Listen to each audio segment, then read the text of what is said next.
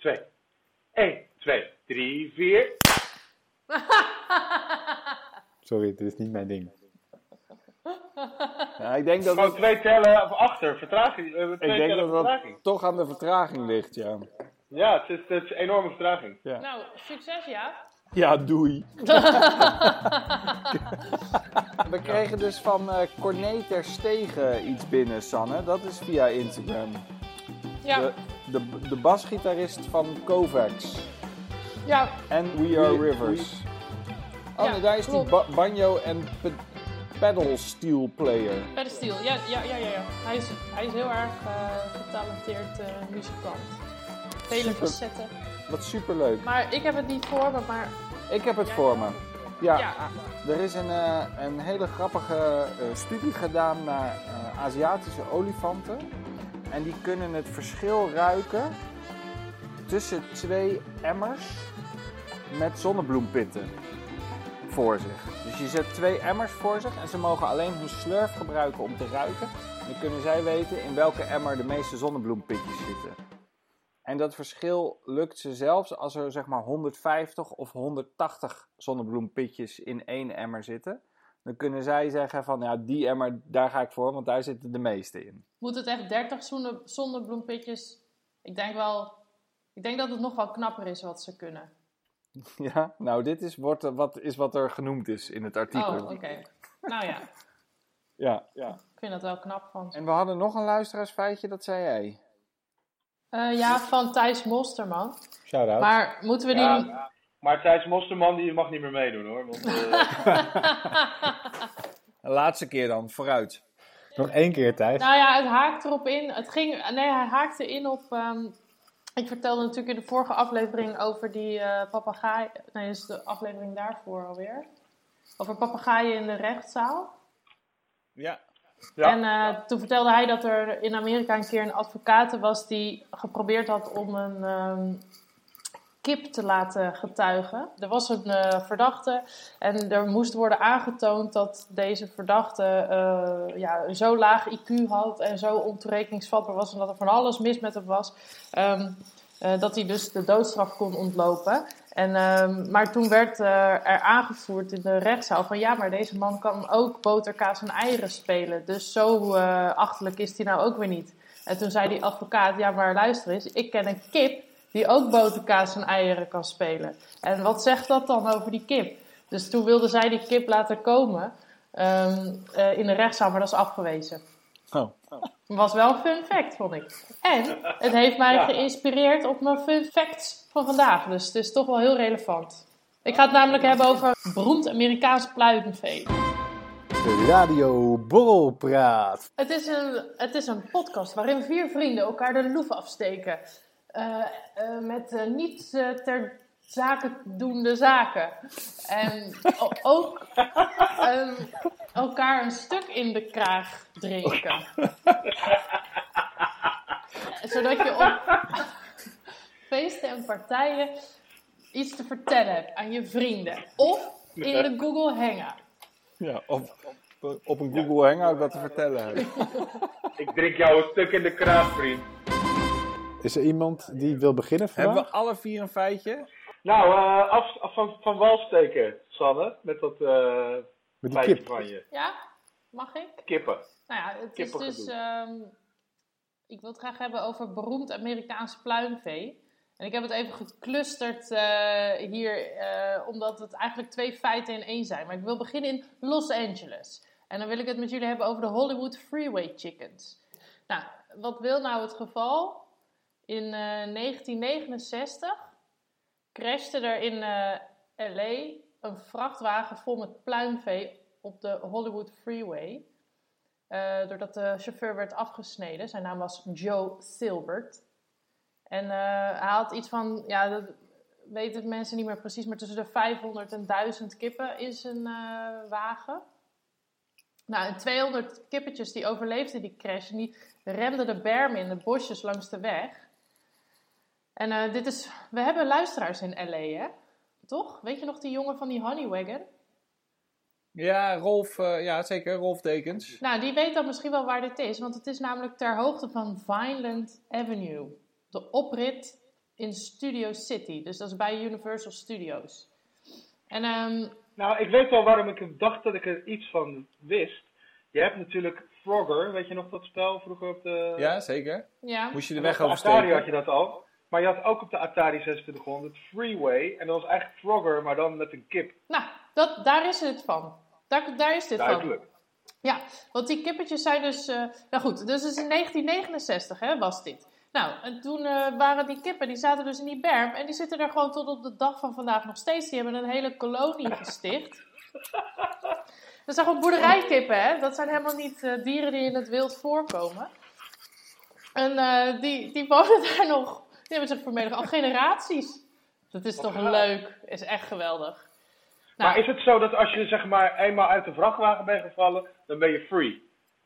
Dan mag niemand ook meer op je In de. United States wel. nou, ja, Als maar... je kind geboren wordt in de United States, dan word je, ben je gewoon lid van de, van de citizens. En als kip, als je uit de vrachtwagen valt, ben je gewoon vrij. Maar het, ver- het verhaal kent nog wel wat eh, haken en ogen. Want in het begin werden die kippetjes in eh, leven gehouden door een, een dametje die zich een beetje over ze ontfermde. Dat, haar naam was Minnie. En ehm, eh, daar is ook heel, heel Hollywood, Hol- Hollywood Being Hollywood, is daar ook een heel theaterstuk over geschreven, zeg maar. Maar in, eh, het- op een gegeven moment werd die Minnie zo oud, dat was in 90, en dit was in 1976, dat ze toch wel bang was dat die kippetjes het zonder haar niet zouden redden. Dat ze samen met Animal Protection een plan had gemaakt om ze naar een nabijgelegen, of niet nabijgelegen, dus buiten de stad, naar een boerderij te brengen. En dat was Operation Great Chicken Roundup. Dus toen hebben ze die kippetjes verzameld en, eh, en weggebracht. Maar wat bleek nou halverwege de jaren 80? Zat er weer een kudde daar. Weer een kudde kippen. Een kudde kippen. Ja, Een roedel. ja, en ze, ja Een roedel? eh, een kolonie, volgens mij. een hele bunch of chicken. Ja, dus, en, eh, dus nu, en toen ontstond er een discussie van, ja, hebben ze toen gewoon niet alle kippetjes weggaan? Zijn het nog de original settlers daar? Of ehm, eh, is, zijn het bedriegers, imposters, die zich daar, eh, die daar zijn neergezet? En dat weten ze gewoon niet, eh, niet zeker. Maar, ehm, maar ik wil dus, het laatste nieuwsbericht wat ik erover heb kunnen vinden, dat, dat dateerde uit ehm, 2012. En toen zaten ze er nog. Maar ik ben wel benieuwd of dat nog steeds zo is. Maar ja, als je denkt van sinds 69 tot 2012, dan is de kans best groot dat ze er gewoon nog steeds zitten. Maar dat wil ik dus graag aan die luisteraar vragen. Ehm, en, eh, maar nu gaan we naar New York. Ehm, en eh, eh, wel, nu gaat het ook niet meer over kippen, maar over een kalkoen, genaamd Zelda. En dat is een kalkoen die in Manhattan in Battery Park heeft geleefd van 2003 tot haar dood in 2014. En een wilde kalkoen. En ja, dat was natuurlijk helemaal een ding in Manhattan, die kalkoen. En het werd ook een toeristische attractie en zo. En niemand begreep echt hoe ze daar in dat park terecht was gekomen. Maar ze, ja, men gaat er een beetje vanuit dat ze in 2002 vanuit de Bronx is aangekomen. En een beetje zo heel de stad door is gehopt vanaf Riverside Park naar Central Park. Is langzaam afgezakt, steeds verder uh, downtown om zich te settelen in Bat Battery Park. Weten jullie waar dat is? Ja, dat is helemaal het tipje beneden. Ja, echt het aller het puntje, puntje, puntje van Manhattan. Onderste puntje. Nou, onderste puntje, ja. En, nou, en, en uh, daar woonden zij, maar natuurlijk helemaal in haar eentje. Dat was best wel zielig. En elke zomer ging ze er vandoor en dan maakte ze een nest om eitjes in te leggen. Die dan niet uitkwamen, weet je wel. Want ze had geen, uh, geen maatje of zo. Dat was zielig. Ze is ook nog een keer gesignaleerd in Tribeca. Dat is dan weer een stuk hoger. Heeft ze waarschijnlijk heel Wall Street uh, doorgelopen. En, maar ze kwam altijd weer terug in, ba in Battery Park. En na Hurricane Sandy was ze vijf dagen vermist. Maar ze werd toch weer gevonden. Dus het was allemaal ja, echt zo'n uh, vaste, vaste bewoonster. Tot ze op 9 oktober 2014 werd doodgereden oh. door een auto. Ja, Zielig. dat was het. Ja, dus het, het, en dit waren de feitjes. Dus ik ga niet... Uh... Oh, ik dacht, ik kom nu een hele lijst. Nee hoor, nee. Ah, ik hou het hierbij. Dus Camille, wat wil je tegen ons zeggen in God? Ik wil het met jullie hebben over film. Een, een, aantal afleveringen geleden, het was misschien zelfs het vorige seizoen, heb ik het gehad over eh, filmsterren waarvan we soms wel, soms niet wisten dat ze familie van elkaar waren. Ah ja. Ah, we krijgen weer een quiz. Dit is dit part 3 dus inmiddels. volgens Nou, dat is niet zo uitgebreid, maar ik ga het nu hebben over filmplots die familie, Familie van elkaar zijn. zijn. Ja. Spider-Man 1 en Spider-Man 2. Nee, dat zijn filmseries. Films, die, dat zijn Oh. letterlijk films die van de familie van elkaar zijn. Fast and Furious 1 tot en met 11. Eh, nee, maar het blijkt dus best wel wat. eh, eh, je denkt, er zijn zoveel verhalen in de wereld, maar het aantal verhalen in de wereld is toch eindig. En zo zijn er eens mensen die beweren dat er maar eigenlijk vijf soorten verhaallijnen bestaan. Dat is misschien een beetje ver gezocht. Maar als je gaat zoeken op het wereldwijde web, dan blijken er toch wel veel overeenkomsten te zijn tussen films waarvan je in eerste instantie niet zou denken dat er hele grote overeenkomsten tussen zijn. Zoals bijvoorbeeld de film Terminator 2 Judgment Day Topfilm. en de film Looper. Oh, Hebben oh ja. allebei gezien? Nou, in beide gevallen gaat het over een dame die Sarah heet, met een zoon, die ze probeert te beschermen Oh, tegen iemand die ja. uit de toekomst komt om haar zoon te vermoorden, omdat haar zoon later in de toekomst die persoon eh, dwars gaat zitten of zelfs de hele wereld eh, ten onder gaat eh, Oh, richten. Maar dan komt er een andere tijdreiziger die Sarah en haar zoon weer komt helpen. Nou, dat is in beide, in beide gevallen is dat, dat zo. Eh, je kunt het ook ietsje lolliger interpreteren, zoals bijvoorbeeld bijna elke Tom Hanks film gaat over Tom Hanks. eh, dat Tom Hanks zijn, zijn vluchten niet helemaal volgens plan gaan. Neem bijvoorbeeld Apollo 13. He had a problem. Castaway. Ging ook niet helemaal lekker met, met zijn vliegtuig. The Terminal. Terminal, Dat ja. Zo vliegtuig heet nooit vertrok. Eh, Ja. Extremely Loud and Incredibly Close. Toen zat hij in een van de vliegtuigen die het World Trade Center boorden. En dan heb ik het nog niet eens gehad over de film Sully, waarin hij eh, vlakbij, eh, dus in New York, op, een, op de Hudson moet, moest landen. Dat zijn niet, het is een beetje vals spelen, want het, is niet, het zijn niet dat de plots precies overeenkomen, maar is wel zo'n bepaalde overeenkomsten. Hij zat ook op die boot, toch? Eh, Dus Titanic, nee, niet op de Titanic, onze lievelingsboot. Nee, op de, hij zat op een boot die gekaapt werd voor de Afrikaanse Dr. kust eh, van, Captain, van eh, Ethiopië. Ja, die was te gek. Ja, Ja, die was echt te Captain, gek. Captain uh, Stubing's Day Off. Ja. Weekend at Bernie's, maar dan... eh, Ja, dat hij door die uh. Eritrese uh, katknabbelaars eh, wordt uh, ja. En uh, dat is heel mooi, want uh, dan word je, uiteindelijk krijg je heel veel sympathie voor die, uh, voor die uh, gijzelnemer. ja, natuurlijk.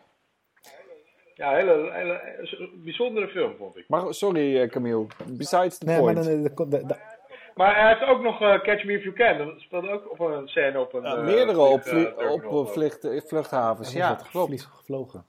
Ja.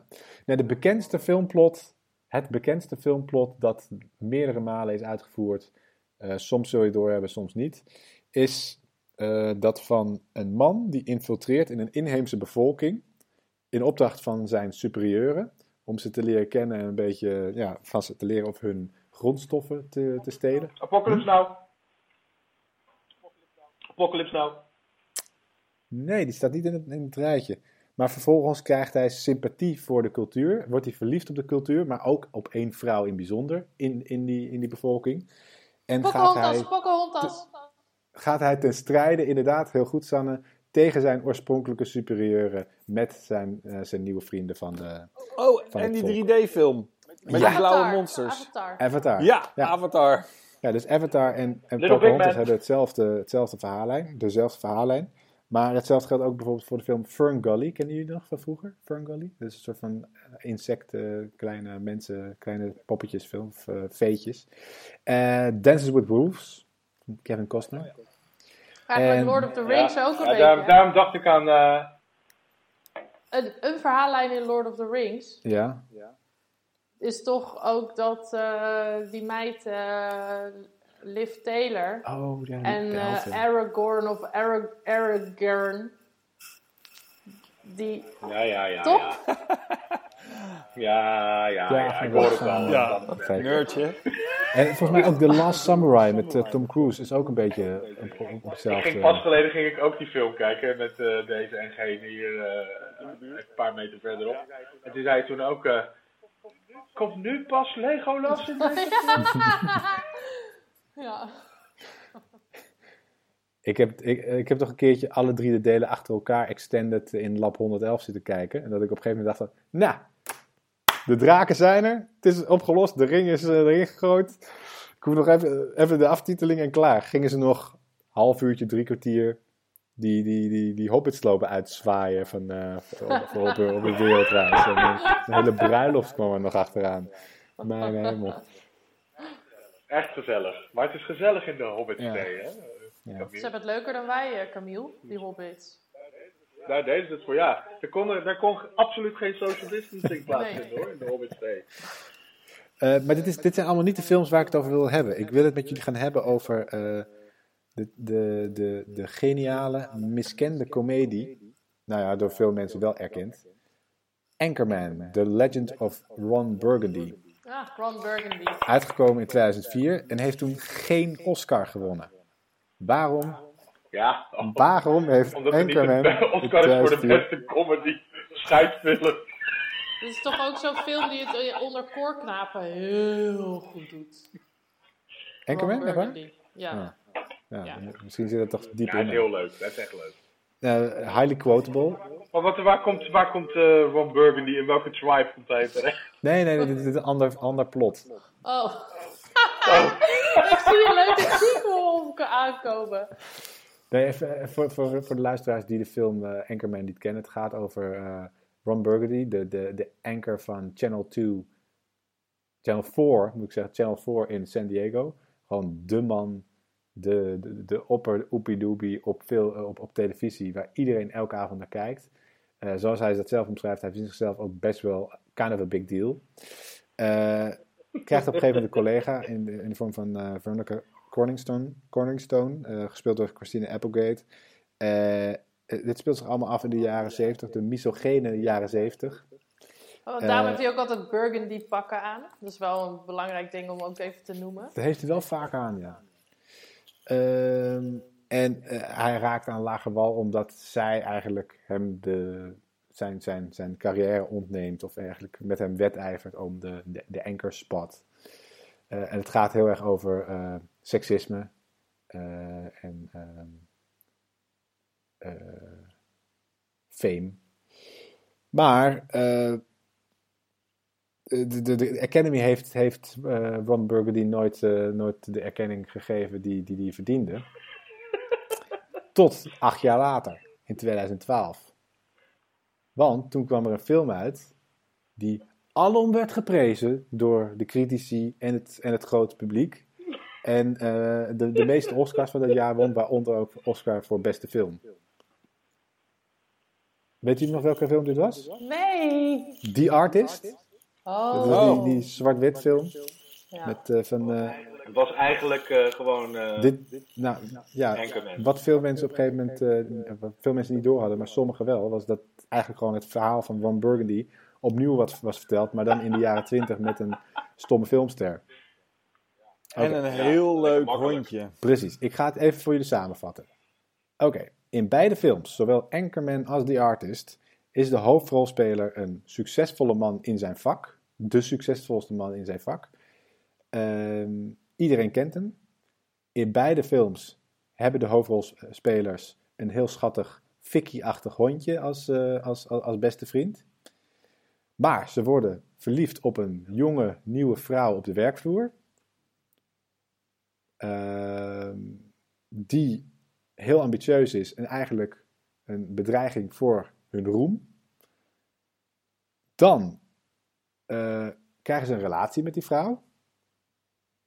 Vervolgens uh, krijgen ze ruzie met die vrouw, waardoor ze een soort van me mental breakdown krijgen. Zowel Ron Burgundy als die gast waarvan ik even de naam niet heb uh, weten te noteren. De die artist. Die de artiest. Ja, hoe heet die acteur ook weer? Jean Dujardin. Oh, nee, daar heb ik iemand anders in hoofd. De re regisseur heeft die moeilijke, moeilijke achternaam. Havanicus, zo, weet hij ook weer? Anyway. Nou ja, Ron Burgundy raakt op een gegeven moment in een glass case of emotions. Uh, en het toeval wil dat dus ook die artist in een soort van glass case of emotions is. Omdat er op een gegeven moment een spel is met dat hij in een winkelruit staat te staren en daar een... Uh, maar jongens, ja. sorry hoor. ik heb laatst Singing in the Rain gekeken. Hetzelfde, hetzelfde verhaal. Dit is precies dit. Altijd weer die jonge, ambitieuze vrouw, hè? Die die Ja, stoelpoten... maar dat zegt Camille toch? Ja, dat zegt Camille ook. Vijf plots. Meer zijn er Nee. niet. Dit klopt gewoon. Ik bedoel, ik zeg... Maar eh, ga door, Ron ga door met je lijstje hoor. Singing in the Rain, The Artist. Dit gebeurt eigenlijk ook gewoon in eh, Game of Thrones natuurlijk een beetje. Dat de White Army eraan komt. En dat er dan een hondje is dat het gaat redden. Nee, Khaleesi, die eh, is ook de ambitieuze vrouw die gewoon de rest... eh, Ja, maar ik Ah, vind nee. elke film waar een ambitieuze vrouw eh, eh, eh, in voorkomt, vind ik niet dezelfde. ja, maar die dan een rela krijgt met... eh, Met, ja. met de ster, de... de Ja. ja. Ron en die artist raken allebei in een depressie, maar aan het einde is er een hele grote gevaar, levensgevaarlijke crisis. Eh, bij An- Anchorman is dat, eh, dat Veronica eh, in de, in de, in de pandabeer, oh nee, in de Kodiakbeer pit valt, in de, in, in Oh, de ja. dierentuin. En bij die artist is er een, is er een brand. Maar wie komt er ter redding? Of wie is de redder in nood? Het hondje. Uiteindelijk eindigen beide films met dat de hoofdrolspeler, die artist en Ron, met hun vrouwelijke tegenspeler een soort van pact vormen en groter worden, door, door samen te werken groter worden dan hun som van delen. Dus eh, Veronica en Ron die gaan samen eh, National Anchor worden voor, eh, voor, een syndicated network journaal. En Jean Dujardin, die artist, en zijn tegenspeelster gaan in de musicals tot hun recht komen. Ehm, En dan is er ook nog dat die gast van de artist ook een burgundy rood pak aan, maar dat ziet niemand alleen. Nee. ja, inderdaad. Khaleesi had trouwens ook gewoon En een heb je wel maar eens, dan een eh, drakenbeeld. Het is echt hetzelfde hoor. Ja, dat hele, dat hele Game of Thrones, dat heb ik nooit echt goed kunnen, kunnen, kunnen volgen, begrijpen. Misschien moet ik dat ook gewoon een keer Er kijken. zaten ook kabouters in, hè? Ik vind ook altijd dingen met kabouters moet je een beetje omheen kijken. De Game of Thrones. Ik heb er ook Daar nooit... zaten Nee, geen kabouters in, toch? Er zit er eentje in, toch? wel, eens, wel een soort Wie dan? kabouters. Oh, sorry, eh, Lord of the Rings. Ja, Lord of the Rings zat er kabouter al in. gewoon door elkaar. Hey, en eh, heb je wel eens eh, Ron Burgundy die bij Conan O'Brien eh Ron Burgundy Anchorman 2 aankondigt? Moet je even kijken. Ja, is het goed? Gaat hij de jazzfluit spelen? Ja, dan komt hij dwars, hij speelt hij dwarsfluit, jazz dwarsfluit. Speelt hij ook in een van de films. Maar dan in die, eh, in die eh, aankondiging is hij, gaat hij met die band van Conan gaat hij spelen. Het is zo grappig. Hij, hij beledigt Conan heel erg. Dat is, eh... Wisten jullie dat Conan O'Brien een eh, Simpsons, eh, een van de Simpsons schrijvers eh, was? Zat in het Simpsons schrijvers Heel vroeg, toch? 100 mensen of zo. Ja, hij heeft wel eh, een paar, eh, volgens mij heeft hij meegeschreven aan eh, de eh, iconische aflevering eh Planet of the Apes. Ah, nu had ik een mooi inhaakfeitje, maar ik heb niet goed, me, you dirty ape. ik heb het niet goed, in, inge, eh, ik heb het niet goed ingestudeerd wie de naam was van deze fluitist. Maar wisten jullie dat de fluitist die in Anchorman eh, de fluitsolo van Ron Burgundy speelt, dat hij ook op de Chronic van eh, Dr. Dre Dr. de fluitsolo heeft gespeeld? Oh ja? wat leuk. Ik ben alleen de zijn naam vergeten. Ah, moeten we misschien in de show notes zetten Ik dan. ken alleen Berdien Stenberg. Ja. En Herbie Mann. Die was het niet. Ik, wil, Oh, ik wilde heel lang een tatoeage van bij die Stenberg die dan zo op mijn borst stond en op mijn arm die dwarsfluit zo had. Lijkt wel gaaf. Rufus en ik hebben het vandaag nog over Eric Dolphy gehad. Ook een be- begenadigd eh, dwarsfluit spelen, jazzfluit eh, spelen. Ja. Zeker. Had ik gisteren nog een plaatje van eh, opstaan. Tududu. Ik wil het met jullie hebben over... eigenlijk in feite over de aanbijen van de zonnekoning. Ik, eh, mijn, noteer. mijn aandacht heb je. Ik heb precies dat feitje. Nee. dat hoop ik niet. Ik heb over de aanbijen van eerst. Napoleon een feitje. Oh, echt? Ja. Ja, heerlijk, een rode draad. Ja. Eeuw, Take it away, ja. Maar ik heb het ook... beetje vies. Oké, de aanbijen van de zonnekoning en plagiaat. Here we go. Louis XIV, de 14e. Ehm, het grappige is, hij is, eh, naast dat hij natuurlijk super bekend is van zijn paleis en eh, van zijn levensstijl, is hij ook de langst regerende eh, monarch in Europa in ons bekende geschiedenis in ieder geval. Eh, 72 jaar en 110 dagen. Dat is op dit moment langer dan Queen Lilibeth van eh, Engeland. Die zit daar nu nog maar 66 jaar. Dus die moet nog even blijven zitten om dat in te halen. Jeez, die zit er ook al lang, Ja. hè? Die oude, Ja, die zit er ook die al lang in. taaie. Ehm, ging dat altijd goed, dat heersen? Nee, natuurlijk niet. Nee, dan was het ook niet leuk geweest, natuurlijk. 1686 wil ik jullie eh, mee naartoe nemen. Ehm, er werd een pact gevormd tussen eh, Engeland, Nederland en een heel groot gedeelte van Oostenrijk, eh, Pruisen en dat soort gebeuren tegen Frankrijk. De League of Augsburg. Ja, en dat is natuurlijk echt al best wel vervelend. Dan heb je al die drie landen achter je aan. Maar toen, in mei van 1686, had de koninklijke zonnekont ook nog eens last bij het zitten. En, en, en, en dat was echt wel heel vervelend, want er bleek gewoon een klier twee vinger breed voor zijn anus te zitten, die gewoon helemaal ontstoken was. Een anale fistel. Twee vingers. Ja, twee vinger breed voor de ingang. Ja. En eh, dat, was gewoon, eh, ja, dat was gewoon best wel een beetje eh, vervelend. Want hij kon gewoon niet meer op zijn troon zitten. Ook niet meer paardrijden, weet je. Dat zijn toch een beetje de dingen die je doet als koning. Eh, dat ging gewoon niet meer. En eh, wat helemaal vervelend was, in 1668 was chirurgie eigenlijk echt nog een beetje een onderknuppel in de hele medische wereld. Daar heeft Sanne ooit nog een leuk eh, feitje over gehad. Ja, Iemand die dat razendsnel kon verhelpen. wat? Nou, Nee, Ja, flats of nee, zoiets. eh, Met een zwaard. met een zwaard. Kop eraf. ja, ja, nee, dat was de pirateresse. Maar dat was die piraat. Ja. Ja. Tjaka! Dat was een beetje Nee, Sam- Sam's feitje was die, die zwaard, die degenhouwer, die eh, chirurg was. ja, daar Ja, het precies. Ja, dat, Maar, die, maar maar dat, die, was, eh, eh, dat was denk ik later, want nu was chirurgie was echt nog eh, eigenlijk een bijzaak van kappers, van de, van de barbier. De barbier, daar ging je heen namelijk om je haren te knippen, om een tand te trekken, Ja, om je amandelen uit je keel te halen. Als je nog puistjes had of iets, dan knipten ze of snijden ze dat weg. Ze wasten je, ze verzorgden je uiterlijke lichamelijkheid. Bypass. Ja, nou, dat niet. Ja. Eh, aderlaten, dat deden ze ook natuurlijk. Eh, maar, maar Camille, Camille trekt dit soort feitjes helemaal. Nee, Oh, die ja. moet ook groen wegtrekken. Het wordt nog veel mooier, Camille. Hold your horses. Camille Ja. heeft zo'n cut-out van zichzelf Ja. neergezet. Die heeft zo'n printje van zichzelf zo voor die camera gehangen. Met een stokje. Anyway, die chirurgen die waren eigenlijk nog helemaal gewoon niet in kwestie. Dus gingen de heren doktoren die gingen aan de gang met eh, compressen. Maar ja, dat hielp natuurlijk totaal niet.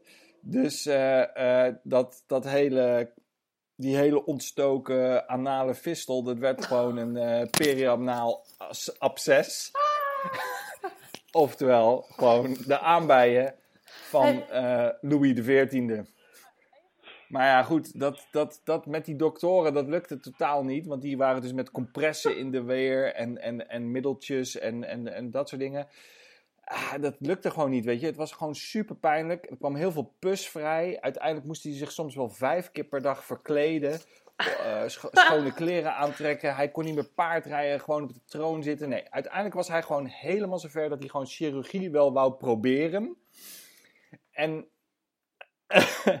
En dat was voor hem echt wel iets, want hij had ook echt een. eh, hij, hij had ook helemaal, bijvoorbeeld helemaal geen zin in aderlaten. Terwijl aderlaten op dat moment best wel eigenlijk normaal was af en toe. Ja, eh, en, maar daar was hij helemaal niet voor in. Ehm, en chirurgie op, behoorde op dat moment toe aan het gilde waar ook nog kruideniers, badmeesters en openbare beulen in behoorden. En dus de kappers. Dus dat zegt wel een beetje wat over de chirurgie. Ja, Kruideniers, dat je- dat je elke avond om 7 uur gaat klappen voor de kappers. ja. Klappen voor een badmeester, dat vind ik pas goed. Eh, Ah, badmeester. Ik kwam net hier die 7 meter zwemmen. kunt u deze ingegroeide teennagel eens bekijken? Nee, maar nu haal je allemaal dingen door elkaar. Dat was hetzelfde gilde. Maar de chirurgie Ja, oh. eh, behoorde toe aan de kappers. Ja. Ja? Dus wat deed Louis? Eh, die riep de koninklijke kapper bij zich. Cha- Charles François Félix. En die zei: Oké, eh, met trillende handjes en een beetje zweet natuurlijk. Want die, die dacht: Jezus, als die zonnekoning eraan gaat, doordat ik met een, met een scheermesje in zijn kont zit. Camille voelt het al.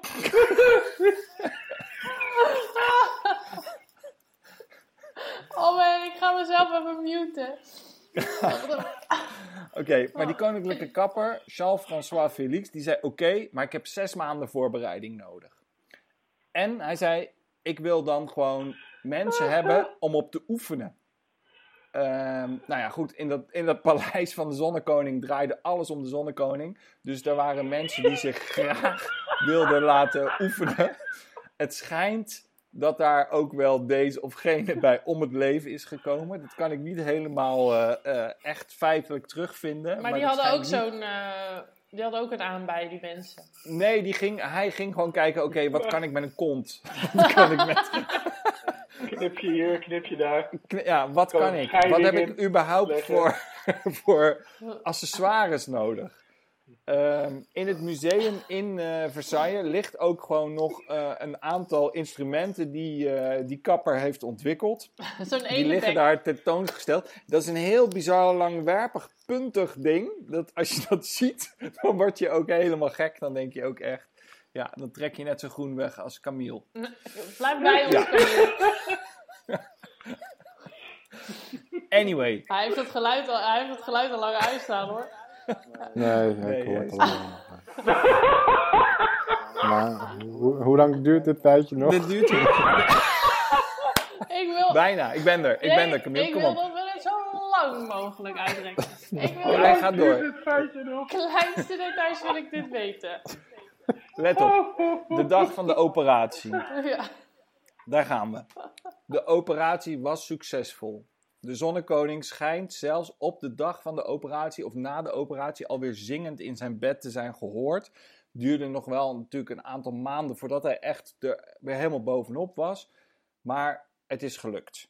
De chirurg werd natuurlijk enorm populair. eh, tot ellende van de, zijn dokter, van de, van, de, van, de, van de koninklijke dokter aan toe, werd de chirurg heel. De, en, en chirurgie werd ook heel populair. De ook chirurg. een dokter. Wat? Sorry? Er was een dokter, maar dit deed gewoon de kapper. Ja, precies. Dit deed de kapper. Ja. Ja, De dokter zei, I ain't going near that ass. jawel, die was dan met compressen bezig geweest, maar dat hielp allemaal Oh, niet. Ja. Maar wat hebben ze nou uiteindelijk gedaan?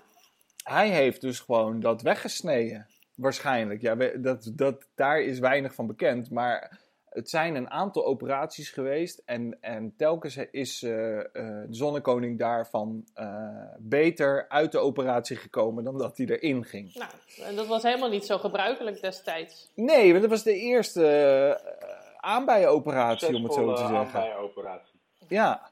Nou, die chirurg die werd enorm populair. Hij kreeg een koninklijke onderscheiding. Hij kreeg 15.000 louis d'or, wat tegenwoordig omrekent met 1,8 miljoen dollar.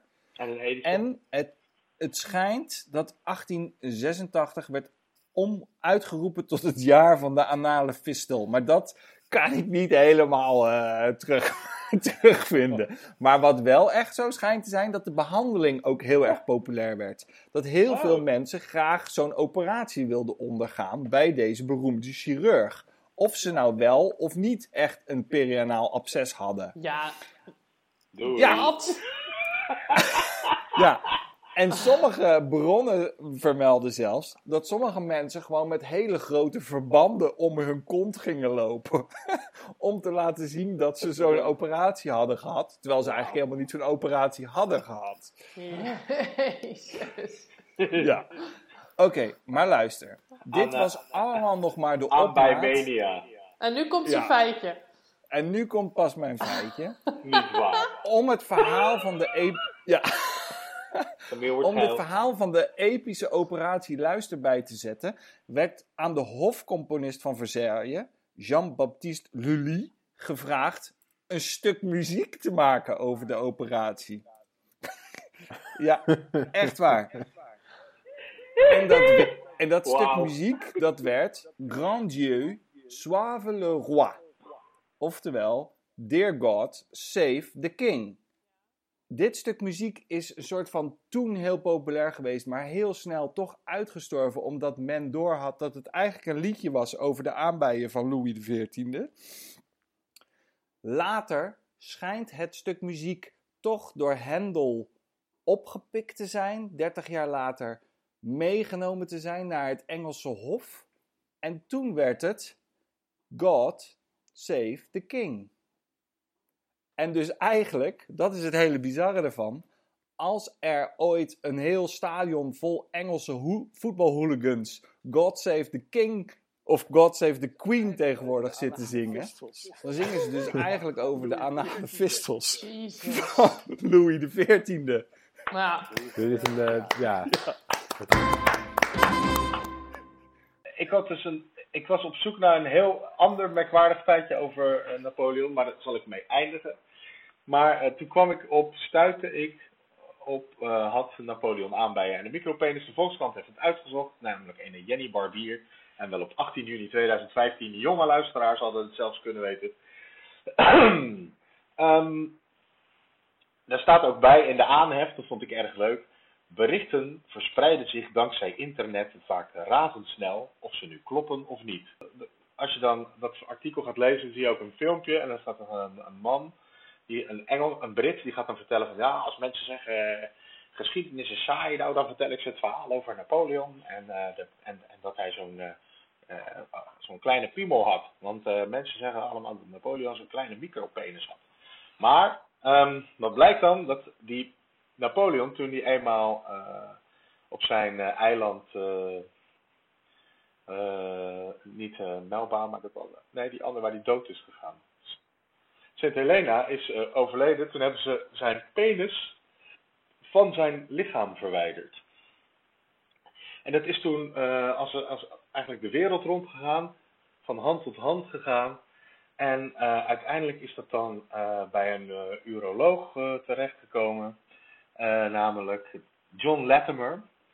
Eh, en eh, die eh, figuur waar we dan die video's van zien, die is bij de achterkleindochter of de dochter van John Latimer eh, ergens in Amerika, volgens mij in, eh, in New Jersey of zo, eh, eh, terechtgekomen. En die heeft dan de, de, de penis van Napoleon in een kistje op zolder liggen. Nou ja, dit is te gek voor woorden.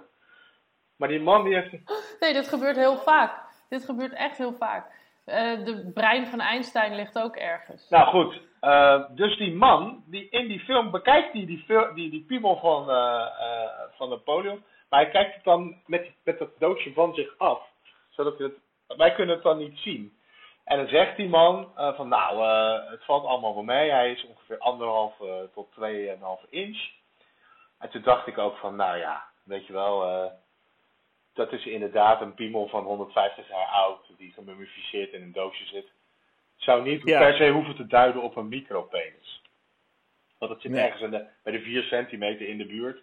Nou, micropenis is volgens mij al kleiner, alhoewel dat natuurlijk aan de kleine kant is. Heb ik een heel research over bloedlullen en, eh en, en vleeslullen heb ik, toen, eh, heb ik toen ingedoken. En wisten jullie dat die in het Engels growers en showers heten? ja, dat vond ik ook wel Ah, aar- nee, dat aardig. wist ik niet. Toen ben ik ook terechtgekomen op dat hele smaakonderzoek. Nou ja, goed. Maakt verder ook niet uit. Eh, moeten jullie Dat krijgen we nooit te horen. Krijgen jullie nooit te weten. Laat je dik zien. Ehm, dus, hè, eh, eh, dat is eh, niet te checken, zeggen ze dan bij de Volkskrant. Ongefundeerd. Maar ik, ik, vind, ik vind dat je zou kunnen zeggen: nee, geen micropenis. Oké. Nou. Napoleon had last van aanbijen. Hè? Ja. Dat is dan ook een, eh, eh, een, eh, een, gerucht. Ehm, en wat bleek, eh, dat. eh, sommige mensen denken dat hij daardoor de slag van Waterloo heeft verloren. Dat hij, dat hij nauwelijks eh, op een paard kon eh, hobbelen. Ehm, maar aan de andere kant eh, gaan er dan ook stemmen op die, omdat het zo slecht weer was, dat die kanonnen moeilijk verplaatst konden worden. En daardoor kon hij de slag van Waterloo niet, eh, Waterloo niet eh, winnen. Maar ehm, eh, het is wel ja, bekend dat hij dus met, toen hij vluchtte van dat hele Engelse verhaal met een koets terug naar Parijs, werd die eh, door de Pruisen eh buitgemaakt, die koets. En toen heeft hij het eerste gedeelte van zijn vlucht eh, noodgedwongen met een paard moeten afleggen. En dat, ja, dat moet wel pijn gedaan hebben, want hij had het, hij had het gewoon. Dus een, grote gedeelte van veldslagen zat hij ook op, op een stoel. Ja, het kan ook zijn dat hij gewoon hartstikke bang was natuurlijk. Maar dat, dat, dat, schijnt toch niet eh, helemaal eh, zo te zijn. Ja, verder is het dan nog van, eh, van hem bekend dat hij heel veel eau de cologne gebruikte. En dat hij zijn hand helemaal niet in zijn vestzak had vanwege maagklachten. Nou, allemaal helemaal niet zo interessant. Maar wat wel interessant is, dat, en dat zal jullie misschien wel of niet verbazen, dat weet ik niet. Ik weet niet hoe ver jullie Napoleon-kennis gaat, reikt.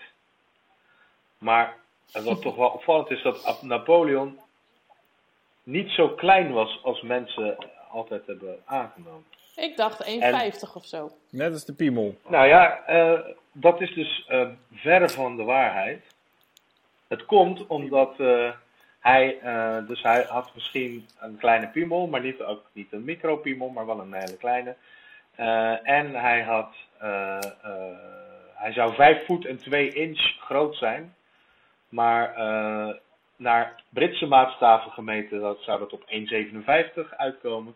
Maar die hadden een andere soort van soort metric-achtig eh, eh, verschil in, om, in, in inches met de Franse inch. En dan kwam die eigenlijk neer op 5 voet 7 en dat is ruim 1,70 meter. Zou je denken, is nog steeds niet erg lang, maar in die tijd, eind van de 18e eeuw, eh, zeg ik het goed? 1769 tot 1821. Ja, toch? Eh,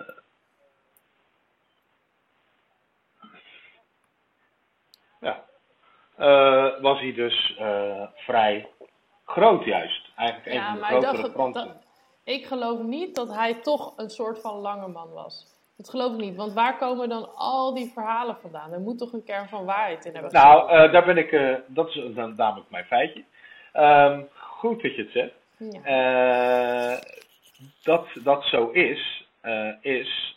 eh, Ja, hoe noemen we dat? propaganda. Oorlogs, eh, re- retoriek of. eh, Ze hebben het gespeeld. Ja, propaganda, ja. Dus die, die, ze hebben dat zo gehouden. Eh, die Engelsen die vonden het maar al te fijn om hem eh, de kleine caporal te noemen. En hij, hij noemde zichzelf ook zo, of tenminste in Frankrijk noemden ze het zo. Hij eh, liet zich ook omringen met hele grote eh, bodyguards. En zijn vrouw was behoorlijk groot, Josephine. Dus die kwam die ook nog eens als, als klein mannetje uit de, uit de bus. Maar hij was helemaal niet zo klein. Dat is gewoon ja, een, een, een stukje warpropaganda. Maar eh, wat Ja. nou het leuke is van dit feitje, is dat dus, hè, je weet wat een Napoleon-complex is. Eh, mensen die klein zijn, eh, hebben te de neiging om grootste daden eh, Ja. eh, te verrichten, om dat allemaal Ja, net zoals Tom, Tom te Cruise. compenseren. Is maar dat het eh, Napoleon-complex? Ja, Want ik dacht... Oh. Ik dacht altijd Ja, die moeten groot schreeuwen. ja. Ja, precies dat. Ik dacht dat net als kleine hondjes... Kleine hondjes keffen altijd heel erg. Dat dat het Napoleon Groot is. blaffen. Dus dat je gewoon een Nou. heel klein bent, maar van, nee, niet per se grote daden, is het maar toch meer gewoon? grote woorden. Nou, eh, kijk, dat, nee, het is, het is juist dat je de wil hebt om eh, belangrijk te zijn. En eh, nou ja, Napoleon eh, het zou dat dan vertalen in dat hij de hele wereld wilde veroveren. Maar is er niets van waar. Eh, want hij was helemaal niet zo klein. Dus eh, hij was gewoon een eh machtsverlusteling. Maar hij is schijnig, toch? Hij heet helemaal niet zo. Of tenminste, Ja. heet zo. To- to- totally false. Quatsch. Quatsch. Qua- Quatsch. Goed man. Ja. Nou, leuk feitje, hè? Top uitzending. De New Cool Collective is verantwoordelijk voor de themamuziek. Dankjewel voor het luisteren. Hoe heet het nummer ook alweer, Canoe? Lekker nummer. Pura Vida, heet het zo. Ik zet hem nu op stop. Ja, maar dan gaan we allemaal nog hele leuke dingen zeggen daarna natuurlijk.